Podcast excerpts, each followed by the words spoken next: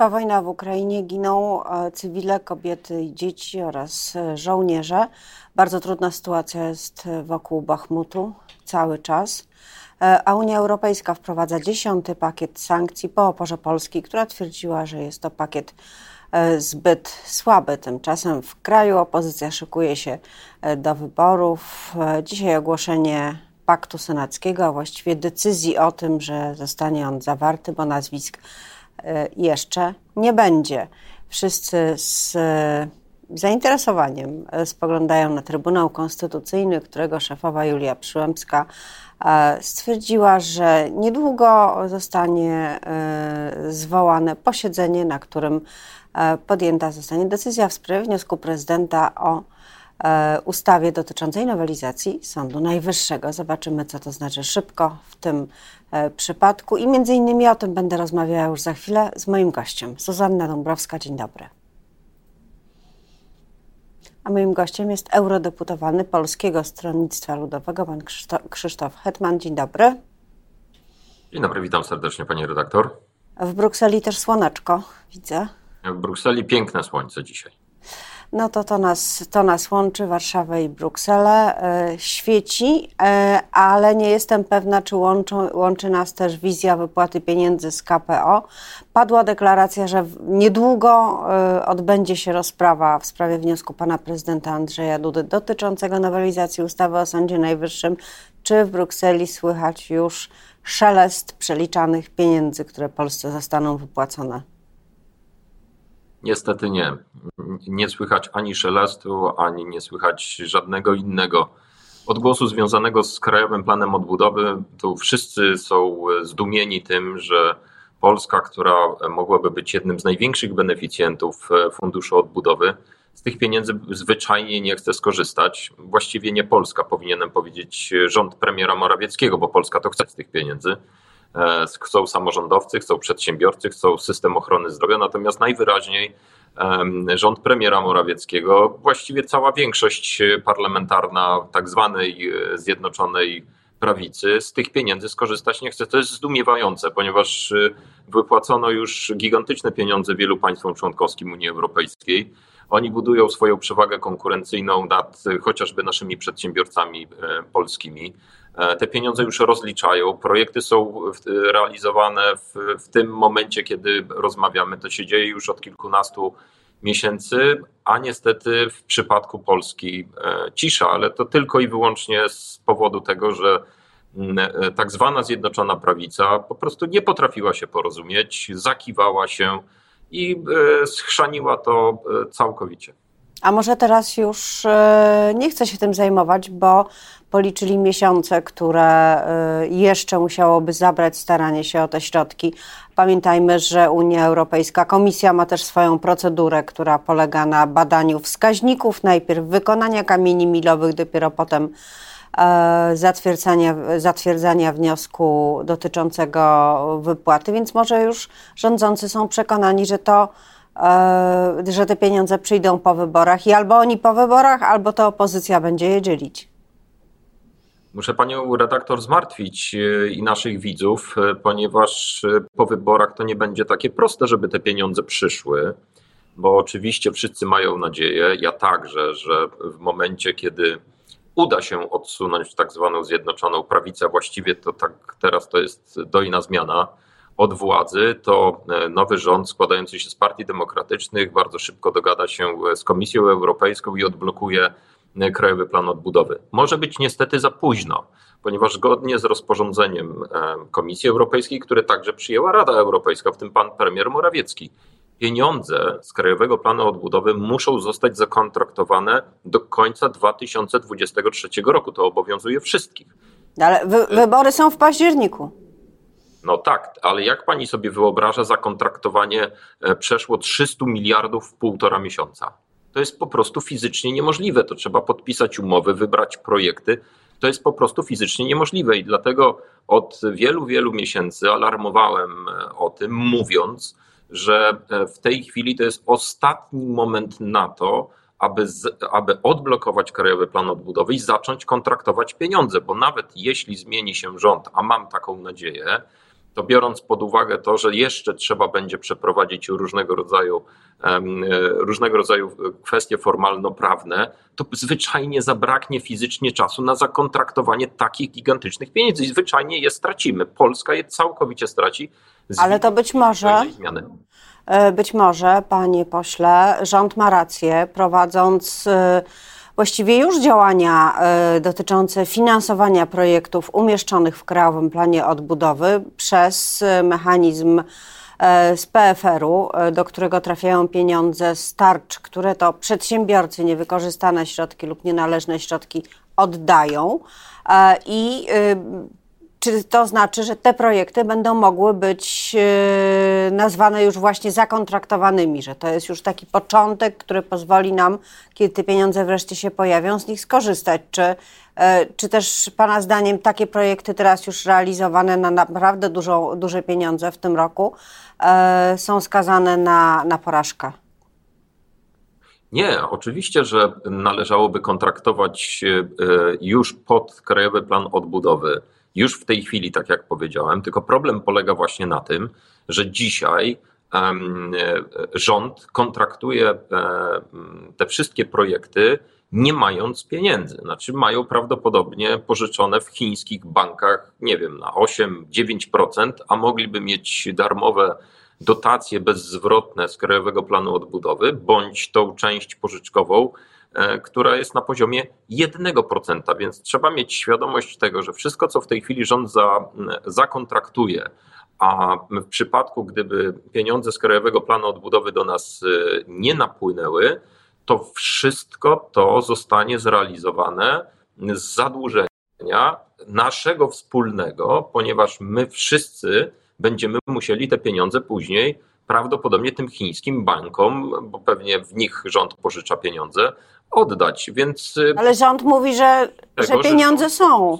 Robi to, ro, rząd, robi to, rząd robi to w oparciu o pożyczone pieniądze na o wiele większy procent niż mógłby mieć prosto z Brukseli. I na tym polega y, y, ta cała katastrofa, do której doprowadziła większość parlamentarna, bo moglibyśmy mieć albo darmowy pieniądz, albo bardzo tani pieniądz do wykorzystania dzisiaj, a e, realizujemy i to tylko niewielką część z tych projektów, które można byłoby zrealizować dzięki Krajowemu Planu Odbudowy e, za pieniądze pożyczone gdzieś tam w świecie na bardzo wysoki procent. Panie pośle, ale czy to znaczy, że Pana zdaniem pieniądze, które są w PFR-ze, które są wypłacane na zaliczkowanie projektów e, z Krajowego Planu Odbudowy, które już są realizowane w bardzo różnych dziedzinach, to są pieniądze pożyczone od Chińczyków? E, takie, e, takie e, głosy płyną. No, skądś rząd musiał pożyczyć, sam zakładał, że pożyczy tylko w tym roku ponad 200 miliardów, ponad 200 miliardów. No, gdzieś te pieniądze musiał na rynkach finansowych pożyczać. I słychać bardzo wyraźnie z wielu różnych miejsc, i to jest pytanie do rządu. Niech rząd odpowie, czy prawdą jest, że zadłuża się w chińskich bankach. Nas, wszystkich zadłuża w chińskich bankach. Czy y, to, że mimo takich kłopotów y, w różnych sferach y, rząd Prawa i Sprawiedliwości, a właściwie cały obóz Zjednoczonej Prawicy ma swój, swoje żelazne 30 plus procent poparcia pana dziwi, a partia, partie opozycyjne jakby stały w miejscu? E, e, partii rządzącej też nie rośnie, więc to nie jest tak, że tylko partiom opozycyjnym e, partie opozycyjne. Ale władza powinna płacić za błędy, które wytyka jej opozycja. Taka jest logika. Może nie popełnia tych błędów. Proszę zwrócić, proszę zwrócić, że jednej partii politycznej ostatnio rośnie i jest nią Polskie Stronnictwo Ludowe, chociażby w ostatnim e, badaniu opinii publicznej było już ponad 7%, a jeśli chodzi o partię rządzącą, myślę, że powolutku zaczyna, powolutku niestety, zaczyna do, e, do, do, do naszych rodaków docierać to, e, to wielkie wyprowadzanie pieniędzy na słupy, pieniędzy publicznych. Wie pani, rządy się przewracają i rządzącym spada poparcie nie z powodu wielkich spraw, ale chociażby z takich niby drobnostek, jak to, że ktoś w rządzie wymyślił, że choćby e, ktoś, kto posiada dwie kury w swoim e, przyogrodowym w ogródku przy domu, musi je zarejestrować. To, ta, o tym dzisiaj ludzie dyskutują i to wrze przede wszystkim, chociażby u mnie w województwie lubelskim. O tym ludzie. Ale z tego się wycofano, z tego dowodu, dowodu osobistego dla każdej kury.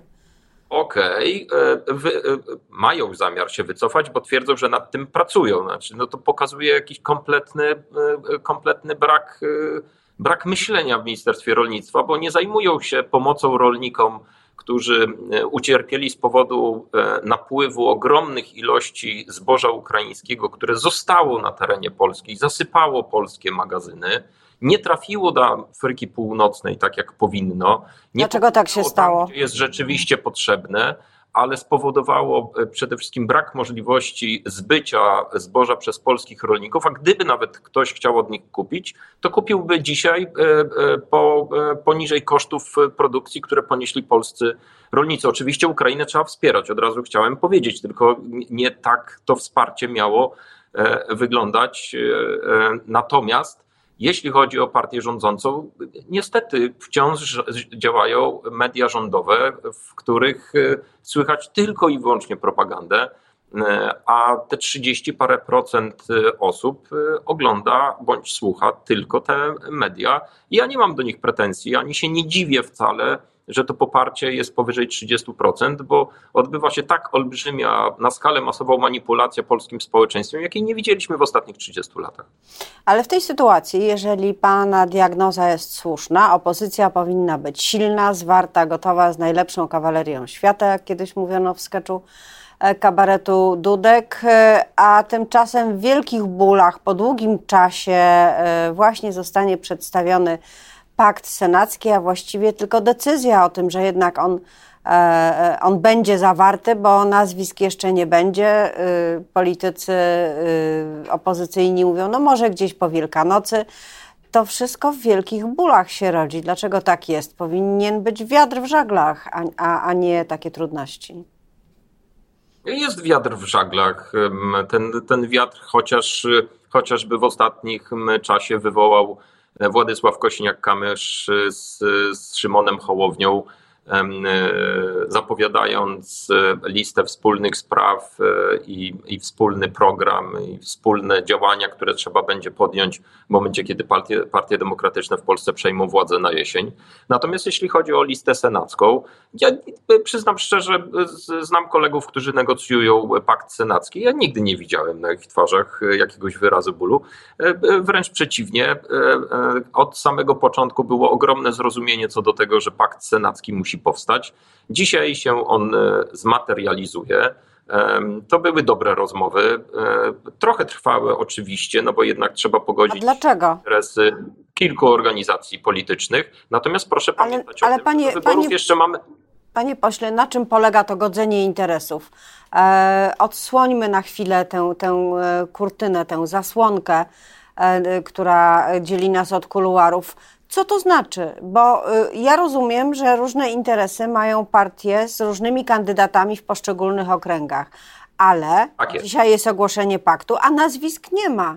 Więc y, ten czas, który minął, y, na czym właściwie został, został spędzony? Powiem pani, powiem pani tak. Oczywiście, że te nazwiska, te, te nazwiska już są, ale nie będą podawane do opinii publicznej, bo nie będziemy tych ludzi E, e, wystawiać na żer e, różnego rodzaju służb i służb propagandowych obecnej ekipy rządzącej, ponieważ gdybyśmy dzisiaj powiedzieli nazwiska tych osób, które będą kandydowały w ramach Paktu Senackiego, ja nie mam najmniejszych wątpliwości, moje koleżanki, koledzy także ze wszystkich partii demokratycznych, że zaczęłoby się różnego rodzaju oczernianie tych ludzi, szukanie na nich wymyślonych haków, niestety mm, ta tak zwana Zjednoczona Prawica e, za wszelką cenę nie będzie chciała oddać e, tej władzy i będzie chwytała się wszystkich sposobów, także najbardziej brudnych do tego, aby, aby jak najmocniej polityków opozycji, dzisiejszej opozycji, oczernić i pokazać w złym świetle polskiemu społeczeństwu. Czy właśnie dlatego zatrzymano sekretarza Warszawy? pana Włodzimierza Karpińskiego, byłego ministra skarbu. To jest proces oczernienia opozycji. No, ma zarzut bardzo poważny przyjęcia dużej, wielomilionowej korzyści majątkowej. Tak, tak on brzmi. Tak. Tego nie powiedziałem, pani redaktor. E, nie znam e, kulis tej e, sprawy, aczkolwiek chciałbym, żeby z taką samą determinacją jak dzisiaj CBA ściga byłych polityków Platformy Obywatelskiej, chciałbym, żeby z taką samą konsekwencją ścigało tych, którzy dzisiaj wyprowadzają publiczne pieniądze na słupy, nasze wspólne pieniądze z instytucji państwowych. A to przypadek, że stało się to trzy dni, nawet niecałe od deklaracji Donalda Tuska, który zapowiedział, że będzie program Cela Plus dla tych wszystkich, którzy e, bezprawnie, e, łamiąc przepisy, przejadają środki publiczne, przeznaczając je dla własnych znajomych, e, rodzin w ramach różnych programów. Miała być Cela Plus, tymczasem no, członek ekipy Donalda Tuska znalazł się w tej celi. Jestem e, już tak długo w polityce, mm, że biorę pod uwagę to, że nie ma w niej przypadków. Natomiast e, z pewnością trzeba dzisiaj głośno mówić e, o tym, co ten obóz rządzący wyrabia, i każdy z nich, który dzisiaj wyprowadza te publiczne pieniądze, musi mieć świadomość, że kiedyś może zostać osądzony przez niezawisły, niezależny sąd. To na koniec jeszcze proszę o taką konkretną odpowiedź. E, co ja wiem, że Miałem polityce... nadzieję, że wszystkie odpowiedzi, które Pani udzielałem. Konkretną, jeśli chodzi o datę, e, albo moment przynajmniej e, w przyszłości, o, dokładne wskazanie tego momentu. Chodzi mi o tę listę wspólnych spraw zapowiadaną przez Władysława Kośniaka-Kamysza i Szymona Hołownię. Miało to być coś ważnego, oczywistego, potrzebnego, w co nie wątpię. To kiedy?